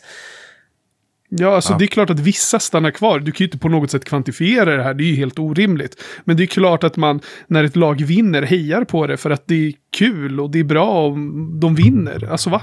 Det är... Min, po min poäng är att ingen kan säga till mig att jag inte kan hata ett lag. Och jag säger inte att Golden State är dåliga. Jag har alltid sagt att 2017 Golden State Warriors bästa basketlaget någonsin. Jag, alltså hade Golden State varit dåliga... Durant var där. Ja. Uh, Go- Golden State, alltså hade de varit dåliga hade jag inte brytt mig. Den enda exakt, det är det jag menar. Det är klart att man bryr sig om ett lag som vinner. Hade inte Exakt. Bill Russell vunnit tre miljarder ringar i Boston Celtics när han väl spelade där, då hade ju ingen brytt sig om Boston Celtics innan Bird och Kevin McHale och grabbarna. Och ingen hade brytt sig om Boston Celtics om inte eh, Bird och Kevin McHale och grabbarna hade vunnit där heller. New York Knicks är jättepopulära trots att de aldrig vinner. Ja, men Hur en av helst, världens största plast. städer, det är klart att man bryr sig om Knicks. Plast. Golden State är plast och jag kommer hata dem. Apropå låsningar grabbar. Det är ingen låsning, det, det är mitt val. Det är inte låsning. Låsning är att påstå något som inte stämmer. Och bara stå Ja, fast alltså, vid det. du har ju blivit bemött på samtliga punkter nu. Alltså, du, du vet ju det Nick, att eh, Golden State Warriors från början var Philadelphia Warriors, eller hur? Sen flyttade de till San Francisco. Så På 60-talet, det, att flytta från Oakland till San Francisco är ju liksom inte första gången de är därifrån, apropå plast då. då. Har du något att säga om det här med Dub Nation, Addis? Nej men alltså. Jag, jag vet ju. Jag ser en låsning när jag ser den. Alltså jag känner väl till de här. Så att eh, det, det är inga Du konstigheter. känner igen det från utan- klassrummet. Ja, jag känner igen lå... Exakt. Och eh, det här är ju en klassisk sådan. Skölden, du har ju ett par stycken också. Eh, så att eh, publiken, de som lyssnar vet ju. De vet redan, vi kan ju bara släppa den här. De hör bara klick. Ja, de vet. När Nick är och fipplar på nycklarna. Då vet... Addis, har du en hot take? Eller ska jag gå? Eh, alltså jag har inte en hot take men jag, jag vill bara säga det. Och jag, det är bara nu, jag kommer låta som Nick nu med att jag, jag satt och tänkte häromdagen på eh, LeBron James. Och jag vill bara säga att den här killen är helt otrolig. Har ni sett vilken säsong han gör individuellt? Alltså han är helt otrolig. Snubben är född 1984, han är fyra år äldre än mig. Alltså, Shit vad gammal. alltså jag kommer själv ihåg när han eh, draftades och liksom jag var 15 och var, var han 19 då liksom. Och att han fortfarande kör. Det är helt otroligt och på den här nivån. För jag tänkte på det att hur man i Sverige med all rätt också hy- hyllar Zlatan över hans... Du vet, inom fotbollsvärlden då är det mycket så här, "Ja, men Zlatan, vilket unikum, vilken... Vilket, alltså det är helt galet hur bra han är. Sett hur gammal han är. Och det är han ju. Men alltså LeBron James, visst nu är Zlatan typ tre år äldre, men det LeBron James gör, det är helt otroligt. Det är ingen, alltså det finns ens en idrottsman i någon sport som har spelat på den här nivån i den åldern. Jag håller med dig. Det är helt Och otroligt. började- Kareem Abdul-Jabbar. Ja, kanske. Fast han var inte, han var inte lika bra de sista GOAT. åren. Han- Nej. Så LeBron är helt sjuk. Det bara slog mig att så här, han, vi, vi pratar inte, vi uppskattar inte honom tillräckligt mycket för det han gör. Alltså i LeBrons ålder nu, det var alltså Jordan satt och rökte cigarr liksom. Två år eh, hade han varit retired typ. Det är helt otroligt att han... Och sen kom han tillbaka och är absolut inte lika bra som LeBron är nu. Nej, nej, nej, absolut Exakt. inte. Nej, Alltså jag, alltså, ris- jag riskerar att torska mitt, eh, mitt serbiska medborgarskap nu. Mhm. Men eh, Roger Federer. Är han där? Nej, det är han inte. så jag kan för lite om just Såklart Nick tennis. säger Han har nej. inte vunnit eh, sedan 2018. Så nej, det är och han du, inte. vet du hur gammal han var 2018? Han var typ 37 va? 36, 37. Ja, han är född 81. Ja. Så... eh, Lika gammal som LeBron, som LeBron är nu alltså. Ja. Och det, men det läskiga är att det ser ju inte ut som, alltså du vet, när man ser honom spela, alltså han är så jävla atletisk fortfarande. Alltså du Ja, vet när han folk säger, alltså jag, folk säger liksom Zlatan, det är helt otroligt. Alltså, och han är fortfarande skitbra, men ser man honom på, han rör sig knappt på planen längre. Liksom, alltså, det, det är ju sant. Alltså han, Han har ju varit jätte- skadad på ett helt annat sätt än vad LeBron har varit Jo, också. LeBron fick ju typ sin första allvarliga skada i, när han skrev på för Lakers. Absolut. Exakt. Absolut. Men det är ju också till LeBrons credit, alltså som Ja, han tar hand om 100%. sig. Alltså så är det. Men jag har i alla fall... på recovery liksom. Ah, alltså han lägger ju ner miljoner på sin kropp varje år. Han säger ju det själv. Jag lägger ner miljoner. Och, men det är bara så här, jag, jag har svårt att se någon annan idrott, idrottsstjärna liksom på den här höga nivån i den åldern. Jag kan inte komma på någon på rak arm. Eller Wayne Gretzky, jag har ingen aning. Tom Brady är 44 och vinner Ah, Super Bowl. okej. Ja, men det, det är, väl Tom Tom, Brady. Brady. men som sagt han är, han är ändå, det är en helt annan sport och med en helt annan typ av... av eh, Exakt. Han behöver inte springa Alltså det, liksom. den, den är svår. Tom Brady var den jag kom att tänka på också. Wayne Gretzky spelade nog när han var 37 och det har ju funnits, det har funnits en annan hockeyspelare. Men, men sorry, Ja. det, är liksom, det är inte jämförbart. Det är, Nej. Eh, LeBron som 30, alltså det sjuka med LeBron är, han snittar alltså 37 minuter i år. Det är ju inte så att han är beredd att ge upp den här säsongen. Här har vi liksom lag som tycker att nej, men vi ska nog inte spela den här 28-åringen mer än 32-33 minuter. LeBron är 37 och får gå 37 minuter. Det är Alltså, galet. Helt otroligt. galet. Det är, det är sjuka saker. Det om det, Det inte vore för att jag hade ett sånt grundmurat... Alltså jag ogillar ju Lakers, jag hatar inte Lakers. Jag ha, försöker låta bli att hata någon överhuvudtaget. Men jag blir alltid glad när det går dåligt för Lakers. Men jag måste säga att jag tycker faktiskt fan i mig synd om LeBron i år. Trots att jag, jag vill absolut inte att de ska vinna någon titel. Men, men det känns lite ovärdigt att han spelar 37 minuter och är så här pass bra. Och laget är i princip knappt på väg till play-in. Nej, jag håller med. Det, det, det, det svider lite grann i mig att se liksom, den typen av prestation av den typen av spelare få så lite för det. Mm. Och sista bara för perspektiv att nästa år, det är alltså Jordans första eh, Washington Wizards år. För, alltså i samma ålder som LeBron. Bara ha det i åtanke nästa år. Och Eh, då var han för ändå jag- borta och lirade baseball också. Ja, då har han ju pausat också och så vidare. Men, men alltså så här, det... Och det kommer vara sjukt för att LeBron, jag har svårt att se någon stor drop-off till nästa år heller. Han bara fortsätter tåga på. Eh, otrolig. Jävla sjuk, sjuk jävel. Så att eh, shoutout till eh, LeBron. Jag slår Är det in lite nästa, öppna är det nästa eller näst, nästa? Nej, det är näst, nästa år hans son eh, kan bli draftad va? Yes. Ja. Ni kommer ju se snart på uh, Uninterrupted att eh, det annonseras ut en, eh, en dokumentär. Vänta bara. Ja, Space men alltså, Jam 3. LeBrons kontrakt eh, går ju ut samtidigt som hans son kan draftas. Jag är, alltså, man är ju säker på att vart han än hamnar signar LeBron. Alltså jag är nästan helt säker på det. Så, HBO ja, Det, Max det, 2024. det måste ju kännas som att det, det är så. Det är ju så man måste tro att det är. Eller liksom, där ligger ju en del av planeringen att han i alla fall ska ha möjlighet att göra det. Ja, exakt, exakt. Sen om man hamnar i liksom Mm. Bobcats så, ja. Som sagt, han är free agent 23-24. Eller från Men och med alltså- 23-24. Vad sjukt det hade varit med en backcourt med LaMelo Ball och den hade varit sjuk. Många hade ju börjat heja på Charlotte. Eh, eller hade skrivit på för dem. ja, så är det. Självklart. Så är det. Ja.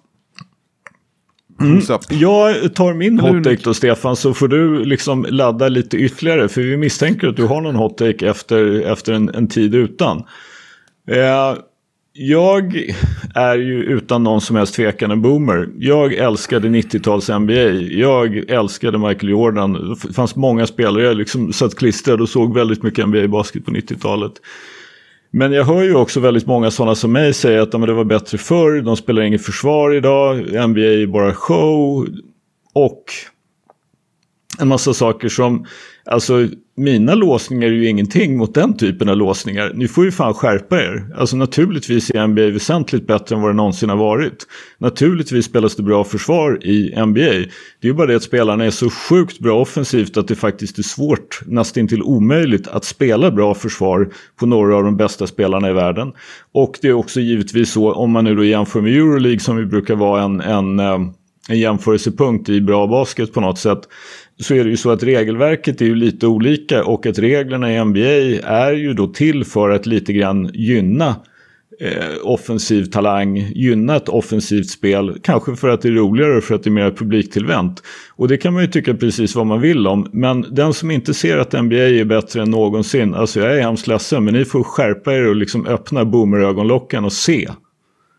Det är, alltså, NBA är så fruktansvärt bra idag. Det är så otroligt högt utvecklat. Det är så otroligt många spelare som besitter enorm skicklighet och talang.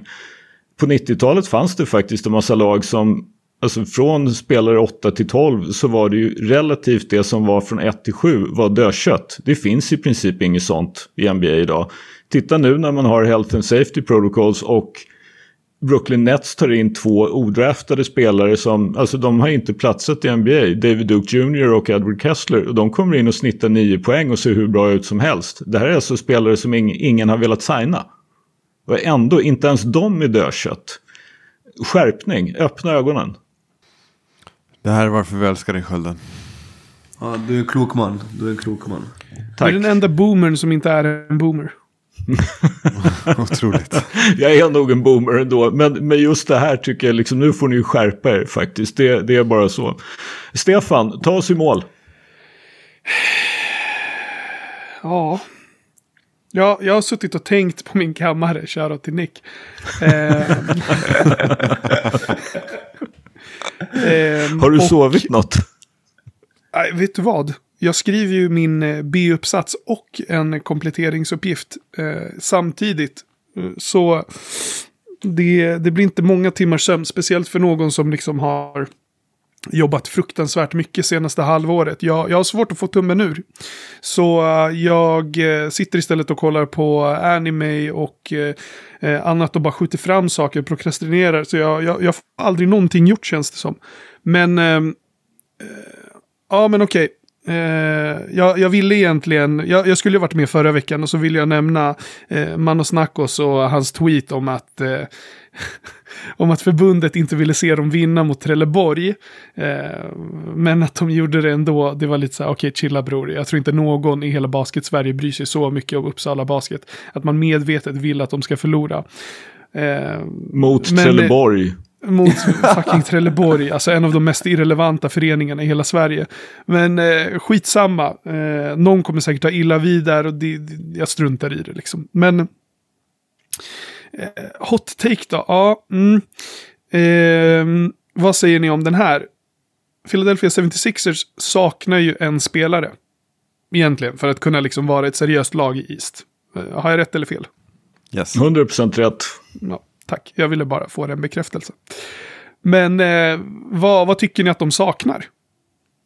Ben Simmons. Ja, det är det som är min hot take. De, eh, de saknar Ben Simmons. Det finns liksom ingen spelare som de saknar mer just nu än Ben Simmons. Och du kan inte få valuta för Ben Simmons någon annanstans. För vad ska man ge upp? Vilket lag ska ge upp vad för Ben Simmons? Eh, hur Mor- Morey än gör det, hur man än vrider och vänder på det, så kommer de aldrig någonsin få valuta för den traden. För Ben Simmons är en av NBAs bästa perimeterförsvarare. Ben Simmons är en av eh, NBAs eh, ja, men bästa spelfördelare. Ben Simmons är ett unikum. Han är 2,08 och rör sig liksom som en gasell på planen.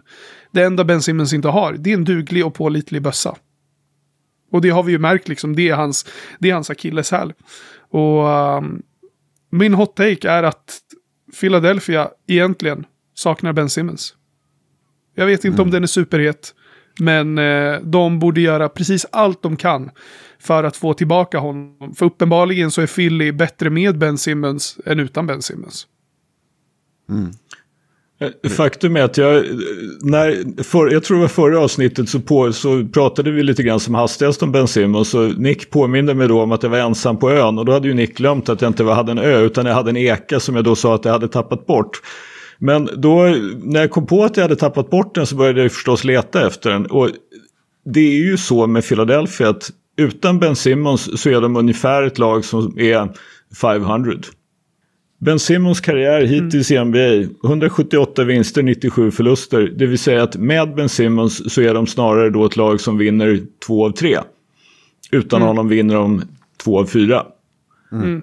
Eh, Så det är ju naturligtvis så att Ben Simmons är bra, men det är, det är ju två saker i det där. Ett är det ju väldigt är det dystert att han liksom har hamnat i den här situationen. Det är ju otroligt dystert att en snubbe som har, jag kommer inte ihåg hur många all NBA han har, men han har ju i alla fall en eller två all NBA, alltså en av NBAs 15 bästa spelare. Och han är ung och han har ett kontrakt och han har liksom alla möjligheter att utvecklas som du säger, ett unikum. Och han sitter just bredvid. Alltså jag, vad det än är som gör att han sitter bredvid så hoppas jag att han får ordning på det. Att vi får se Ben Simmons, en Ben Simmons som vill utvecklas och bli det vi trodde han skulle kunna bli. Vare sig det blir i Philadelphia eller någon annanstans. Ja, för han har ju egenskaper som inte går att lära ut. Alltså inte, inte nu, inte i det här skedet. Och eh, framförallt en fantastisk fysik, eh, ett fantastiskt försvar, eh, en fantastisk förmåga att, Nej, eh, nu, att nu, nu fördela sätter vi bollen. stopp för det här. Ja, nu, Men, nu sätter vi stopp för Ben Simmons-hyllandet. Okej, Ja, han, vad ska du säga? Att de är Manchester City med Ben Simmons eller? Nej, nej, utan Ben Simmons han förtjänar inte de här hyllningarna. De... Nej, Alltså, det, det är inga det, hyllningar, det är ju bara vanliga konsta- konstateranden av fakta. För vilken annan spelare på 2.08 är ens i närheten av Ben Simmons på den positionen? Det är ju ingen. Nej, så är det. Men samtidigt i, i, i ett slutspel så vill jag typ ha hellre De'Aaron Fox. Nej. Om jag ska vara ärlig. Jo, Kom igen. jo. 100 Du, procent. du kan inte vara seriös. Jag är seriös för jag har sett Ben Simmons i slutspelet och jag vet Du, vad det är. du, du säger alltså det här på fullaste allvar. Du, du säger inte det bara för att säga emot och eh, liksom walk the line. Utan du, du, du, är- du är fullt seriös med att du tar The Aaron Fox framför Ben Simmons I 2021. ett slutspel, 100 procent. Jesus Amalia. Tack för idag gubbar. jag, jag, jag är ju definitivt inte med på det. Jag behöver inte ens hitta ekan för att inte vara med på det. Alltså, ja. Simmons Hur, långt, sista vi hur såg. långt har Sixers, eh, 76ers gått med, eh, med Ben Simmons i slutspelet själv? Ja, de har bara vunnit i första rundan. De har ju aldrig vunnit i andra rundan. Men De'Aaron Fox har ju aldrig spelat slutspel överhuvudtaget. Det är det jag menar. Alltså, Ja, nej, men, och, det- är ju så, det vet vi ju alla. Att senaste gången vi såg Ben Simmons i ett slutspel så hände det ju någonting. Det var ju liksom katastrofalt. Men hans tidigare slutspel så har han ju faktiskt varit, bara då, alltså om man bara tittar Alltså i matcherna mot Washington, låt vara då att Washington kanske inte är så mycket att bråka om, men då snittade han 15-10-9 i ett slutspel. Han hade bedrövlig procent framförallt då från straffkastlinjen. Eh, och sen så kom de då till Atlanta och då snittade han 10-6-9. Så, och sköt ännu sämre från straffkastlinjen. Så jag är ju benägen faktiskt att tro att det är ju någonting med Ben Simmons alltså mentala hälsa eller någonting som han inte riktigt har lyckats hantera. Sen har han ju då kan man tycka att han har skött det här med Philadelphia Bear Trades dåligt och hamnat i, i 100%. en taskig situation. Men det, jag, jag är beredd att ge Simmons lite benefit of the doubt på det där ändå. Jag, jag tror fortfarande att det finns, alltså det finns en spelare där inne som, som, eh, och förhoppningsvis så finns det ju en människa framförallt som skulle kunna må lite bättre än vad han verkar göra just nu. 100 procent. Eh, och jag tycker inte, alltså här, om vi kollar på, om vi kollar på 76ers så visst, eh, vad heter det, Joel Embiid är en fantastisk spelare, det råder liksom ingen tvekan om det. Men det är skicklighet i sig också att hålla sig frisk. Mm. Och eh, jag tror nog att, att eh, Philadelphia 76ers utan Ben Simmons är ett sämre lag än ett Philadelphia 76ers utan Joel Embiid. För över tid så har de i alla fall klarat sig utan Joel Embiid och liksom eh, konsekvent gått till slutspel. Men utan Ben Simmons så ser det ju, det, det ser ju hemskt ut. Ja, det, jag, jag säger inte att jag har rätt, jag säger inte att jag har fel. Men eh, jag tycker i alla fall att man ska ha det i åtanke och försöka eh, liksom, eh, ha ett nyanserat perspektiv. Ja, vi, jag, eh, jag är med dig. Ja. En sista grej då. Som jag kommer att tänka på lite så här. Vi, eh, vi har ju sågat eh, Russell Westbrook eh, ganska mycket. Och visst, Kemba Walker, han har ju fått en liten revival nu, senaste matcherna i New York Knicks, men eh, faktum kvarstår, Tom Thibodeau är ju inte jättesugen liksom på att, på att ha honom där på sikt. Men vad, vad tycker ni? Vem säger nej? Russell Westbrook mot Kemba Walker? Är det Knicks som säger nej? Gör de det för att eh, Kemba ändå accepterar en bänkroll? Och säger, ja men jag, I'm a good guy, jag ska vara här, jag ska spela i Knicks. Jag är från New York, jag älskar New York, jag kommer göra allt jag kan för att de här spelarna och de här grabbarna ska må bra. Eller vill man försöka få till en rokad där och bara, ja men fan vi kanske ska ta, vi kanske ska ta Russell Westbrook istället. jag, jag tror att Tibbs hade tagit den. Faktiskt. Eller hur? Visst, visst känns det som att Tibbs hade tagit den? Ja, för han, han känns ju som någon som gillar Russ. Ja. Ehm, apropå Lite mer lik eh, peak Derrick Rose än vad Kemba är. Ja, men jag eh, tänker det. Men, men jag ja. tycker ju att eh, Lakers ska ta det och springa. Helt ärligt. Så, Ja. så lite tycker jag om Westbrook just nu. Det som, det som är problemet är ju, om jag förstår, nu är inte jag varken Bobby Marks eller Andrew Ellsberg i, i Miami Heat, så jag är ingen salary cap-guru så. Nej. Men Kemba har ju fått ett nytt kontrakt, så han tjänar 8,7 och Russell är väl en bra bit över 40. Så det innebär att det, Knicks vart ju måste ju skicka med va? Ganska gott om, om andra kontrakt för att, få, eh, för att få Russ. Och då tror jag också att det naturligtvis som saker och ting ser ut nu så skulle ju Lakers ta Kemba och vad nu mera man kan få för Russ för att liksom få matchande kontrakt. Men jag är lite osäker på om Thibodeau skulle ta Russ faktiskt med tanke på att han också alltid har uppskattat försvar. Han skulle ju älska att kunna spela Russ 40 minuter i och för sig men han skulle ju också få leva med hur det ser ut i försvar. Ja, jag glömde ju det att uh, Kemba faktiskt blev utköpt av uh, OKC. Ja, precis. Så han, kontrakten matchar ju liksom inte alls. Och det är väl, annars, annars är det ju helt klart eh, någonting att fundera på. Och sen Okej, är det också... sista. Ja, Eller ja, förlåt, fort, fortsätt själv. Nej, men jag tänkte bara säga, sen är det ju också så att Russ kontrakt närmar sig ju ändå så småningom. Liksom. Han har det här året och sen har han en option nästa år. Så Mm. nästa år är ju då, för han kommer ju att plocka upp den kan vi utgå ifrån. Han har alltså en option på 47 miljoner, det är klart att han kommer att plocka upp den. Mm. Eh, men då är han ju ett expiring contract. Då är han ju, alltså, ja. Man, jag sa ju det att det fanns ju någon, ja men han är untradable så jag tror det var Jonathan Kuminga. Inget kontrakt är untradable sa, sa Addis direkt då. Det, vi får väl se då. Russell Westbrook och eh, John Wall ligger väl rätt bra till för tillfället för att vara untradable men vi får väl se. Peak NBA hade ju ändå varit om Sam Presti bara, ja men vi kör Russell Westbrook en vända till. Ni får Josh Giddy och vi får Russell Westbrook och alla era picks. Ja, det hade varit något. Lakers eh, Ja, men de skulle kunna göra det för jag tror att de kan det. ta in honom på cap space. Ja men de, de skulle, ja, ja det kan de säkert göra. Alltså de behöver inte matcha kontrakten. De, de är ju typ under salary cap floor. Liksom, så de, de, jag tror att de skulle kunna köra. Alltså Fast de det hamnar hade ju över salary capen ganska- men inte ja. till luxury tax. Nej, det hade ju ändå varit ganska fördelaktigt för OKC. Eh, och sen så köper de ut Russell Westbrook för då måste de förhålla sig till en betydligt mindre eh, salary cap. Och det är väl det Presti vill, att de inte ska ha råd att kunna betala bra spelare. så att de bara kan drafta och stasha och vara urusla. Mm. Ja, jag vet inte. Men eh, den sista hot-taken, eh, som jag faktiskt kom att tänka på precis nu när vi ändå snackade om eh, point guards som eh, ja, men inte riktigt är på den nivå de en gång var. Vi alla minns ju det där klippet eh, på Isaiah Thomas när han droppade 40 i typ så här äh, någon eh, träningsmatch innan Summer League i en gympasal. Djupt inne i Amerikas, eh, Nordamerikas djungel tänkte jag säga. Men eh, i någon gympasal med typ ribbstolar och grejer. Nu var det inte exakt så, men ni fattar vad, vad, vilken scen jag försöker bygga upp för er. Och vi alla minns när han droppade 40 och sen efteråt satt och bölade och det kablades ut videor på Twitter och Instagram och Facebook och bara ge han en chans i NBA. Minns ni det? Ja. Ja. Sen så får han ju en chans och faktiskt lirar för Los Angeles Lakers. De ger honom ett 10 dagars kontrakt. Och det är inte jättekonstigt eh, med tanke på eh, covid och omikron och allt vad det är. Men när han väl får chansen gubbar, då går han en för 11. Och vart är då alla de här Isaiah Thomas-vurmarna? Jamal Crawford. När- Jamal Crawford. när han går "Öj, en Just nu för vill man se 11. Jamal Crawford istället. Ja, alltså. Han är helt oduglig. Han ska inte vara på den här nivån. Broder, ta mitt tips. Skriv på för Murcia. Det blir lite roligare. Disrespect alltså.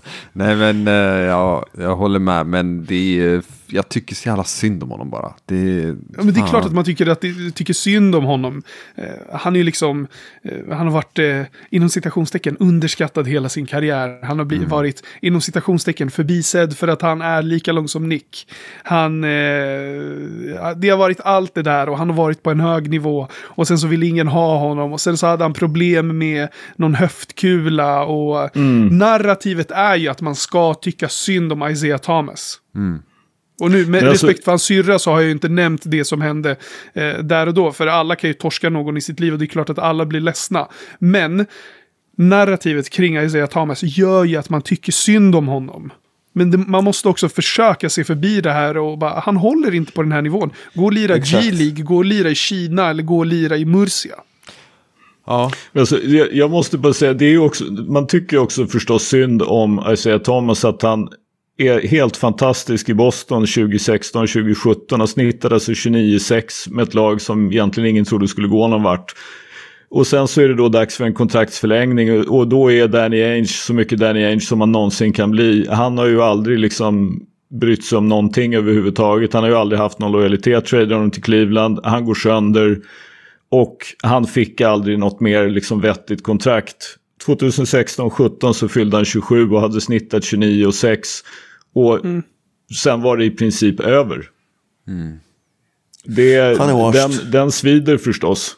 Ja, såklart. Såklart, men kort brintid också.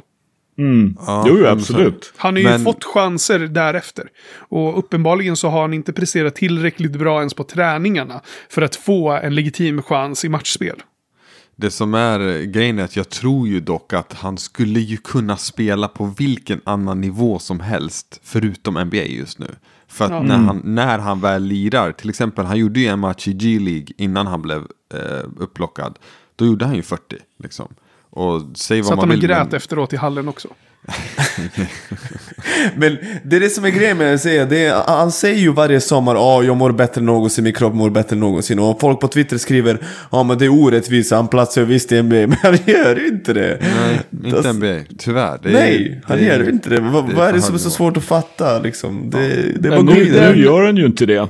Nej, Nej. Nej. det gör han Men inte. det, det är är den- ändå... Alltså ingen så att säga så sentida spelare som Isaiah Thomas har snittat 18 poäng per match över 500 matcher och fått så lite betalt. Nej, det är Ja, knas. det kan alltså, det är, han och Cousins hade riktigt otur med sina skador. Alltså Ja. helt fel tillfällen. Mm. Men då var det ju ändå så att DeMarcus Cousins han ju i alla fall få ett vettigt kontrakt. Ja, det jo, fick ju exakt. faktiskt aldrig, det fick ju inte Isaiah. Nej, nej. Hans Isaiah bästa har dock tjänat, han har ju tjänat typ 33 miljoner dollar i sin karriär. Så vi ska inte tycka synd om honom på det sättet. Alltså han klarar sig. Jo, Han jo, absolut. Men som sagt, hur många har snittat 18 poäng över sin karriär och går från en säsong där Nej. de har 29-6 och tar ett lag djupt i slutspelet och sen så får de en skada. Så ja, det var sista kontraktet han fick egentligen. I alla fall, något, alltså, sen i övrigt har det ju varit ja, men liksom peanuts-pengar. Ja. Ja, ingen över 1,80 i alla fall. Nej, precis. Nej. Nej, men eh, Ja, vi går nej, men ut på vi- Isaiah Thomas tårar, eller? Vad sa du? Vi går ut på Isaiah Thomas tårar, eller? Ja, och på Murcia. Alltid Murcia. Ha det bra och gott nytt år. Ciao. Sköt om er allihopa. Ciao, ciao. Du har eh, precis lyssnat på det 88 avsnittet av eh, Bänkvärmarna. Sjukt, 88. Vet ni vem som har haft nummer 88 i NBA? Nicolas Batum, Nemanja Bjelica och fucking Alexei Shved. Sjukt. Ta hand om er där ute. Eh, jag vet inte om gubbarna har önskat er god jul, men eh, med risk för att de inte har det, så god jul så här i efterhand. Och gott nytt år. Bänken lever som aldrig förr. Bänkens kropp mår fantastiskt bra, men bänken kommer inte sitta och gråta efter att de har droppat 40. Skit på er allihopa, puss på er. Glöm inte att följa oss, glöm inte att sprida oss. Kram. Bänken ljuger aldrig.